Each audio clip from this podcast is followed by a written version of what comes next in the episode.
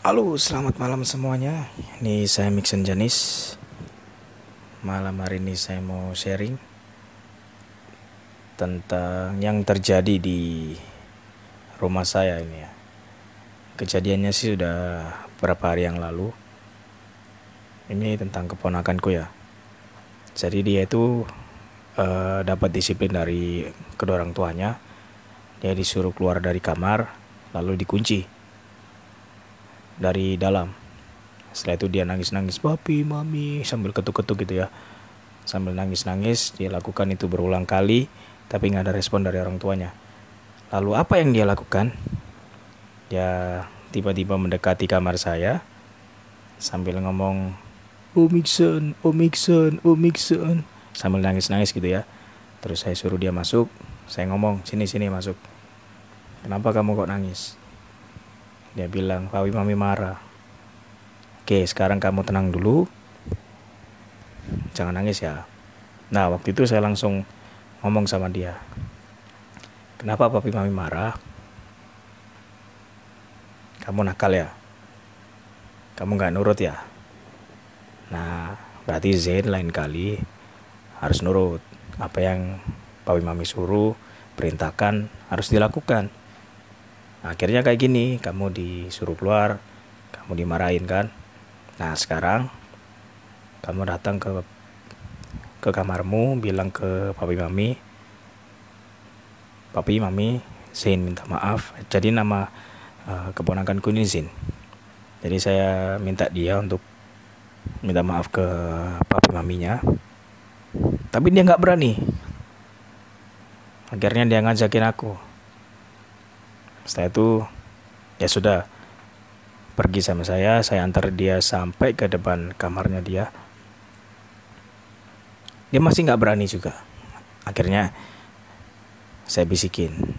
Sambil dia ketuk saya bisikin. Ayo bilang gini Bi, Mi, Sin minta maaf. Sin nggak ngulangi lagi. Sampai berapa kali dilakukan seperti itu singkat cerita akhirnya papanya ada respon gitu kan. Udah cukup nangisnya jangan nangis lagi. Sehingga cerita lagi pintunya dibukakan dan dia boleh masuk. Nah guys dari cerita yang singkat ini kita dapat belajar bersama bahwa uh, seperti halnya kita dengan Bapak di surga kita ini semua adalah anak-anaknya gitu kan. Jadi uh, kalau kita nggak nurut, kalau kita ini nggak melakukan perintahnya, kalau kita ini nakal, kita pasti dapat disiplin juga dari Bapa di surga. Nah, terkadang ketika kita menghadapi disiplin dari Tuhan ini, kita sudah menganggap bahwa Tuhan itu jahat. Bapak jahat, Bapakku jahat. Padahal ada maksud dari itu semua. Jadi nggak asal aja kita diberi disiplin gitu kan dari Bapak di surga. Nah, terkadang kita pun kalau sudah menyadari itu, oh Tuhan saya sudah berbuat salah ampuni saya. Tapi kok rasanya nggak ada respon gitu kan dari dari uh, dari Tuhan gitu kan lalu kita berpikir bahwa wah ini kayaknya Tuhan udah marah nih sama aku.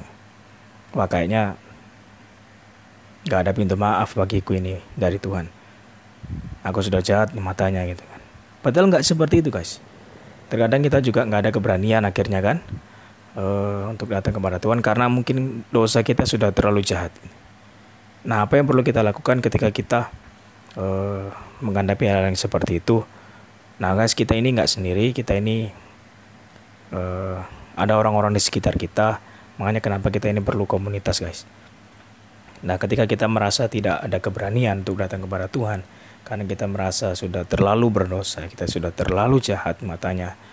Jadi jangan murung, jangan berdiam diri, terus berdiam diri boleh guys. Uh, tapi yang positif ya jangan berdiam diri. Terus akhirnya kita menuduh menuduh diri kita ini terus menerus terus akhirnya uh, kita lemah terus kita lemah murung terus.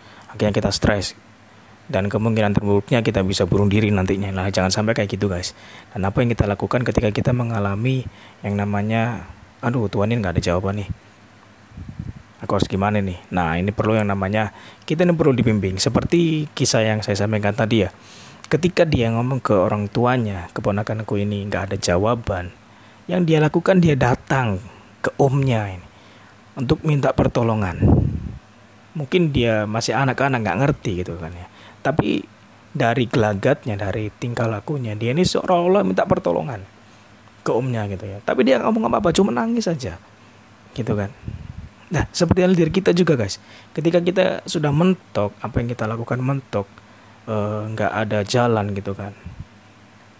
Yang kita harus lakukan adalah kita pergi cari uh, teman komunitas atau kakak pembina, kakak rohani, pembimbing kita supaya kita ini diberi kekuatan guys. Untuk kita ini berani untuk uh, kembali kepada Bapa. Untuk kita ini berani untuk kembali kepada Bapa, mengakui setiap kelemahan kita, ya kan? Dan di situ juga ada support dari teman-teman kita, guys. Jadi kita ini nggak sendiri. Jangan kalau kita ini nggak eh, nggak uh, mampu atau nggak berani untuk datang kepada Tuhan, uh, lebih baik kita datang ke teman-teman kita ya. Untuk kita ini bisa diberikan kekuatan sama mereka gitu kan. Tapi guys, selebihnya Tuhan ini nggak sejahat itu guys. Nggak sejahat yang kita pikir bahwa kita ditinggal sama dia gitu kan. Kita nggak didengerin. Tuhan itu tahu. Seperti contohnya di kisah Alkitab itu tentang uh, anak bungsu yang kabur dari rumah minta warisannya.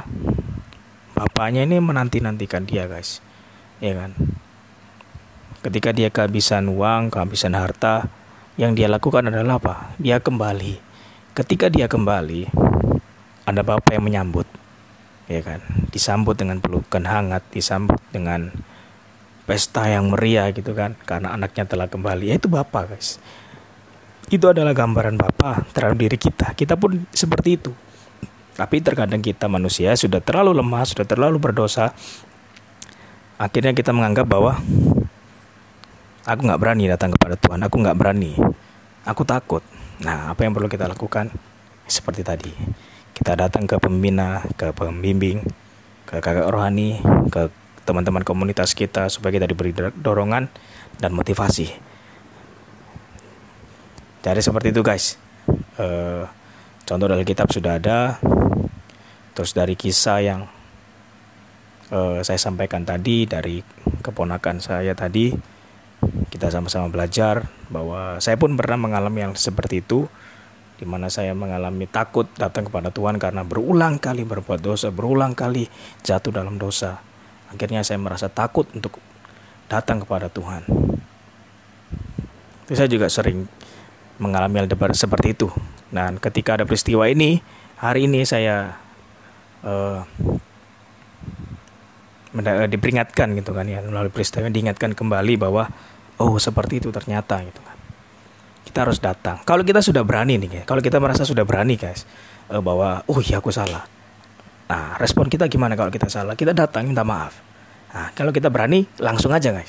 Tapi kalau kita nggak berani kita perlu pemberani. Istilahnya ada orang yang support kita di kanan kiri kita gitu guys. Jadi yang pertama adalah uh, kalau kita nggak berani kita perlu orang di samping kita untuk supaya kita ini berani. Tapi kalau kita sudah berani, datang aja langsung kepada Bapak, pasti Bapak menyambut kita di depan pintu dan langsung membukanya. Sekian dari saya guys. Tuhan Yesus berkati.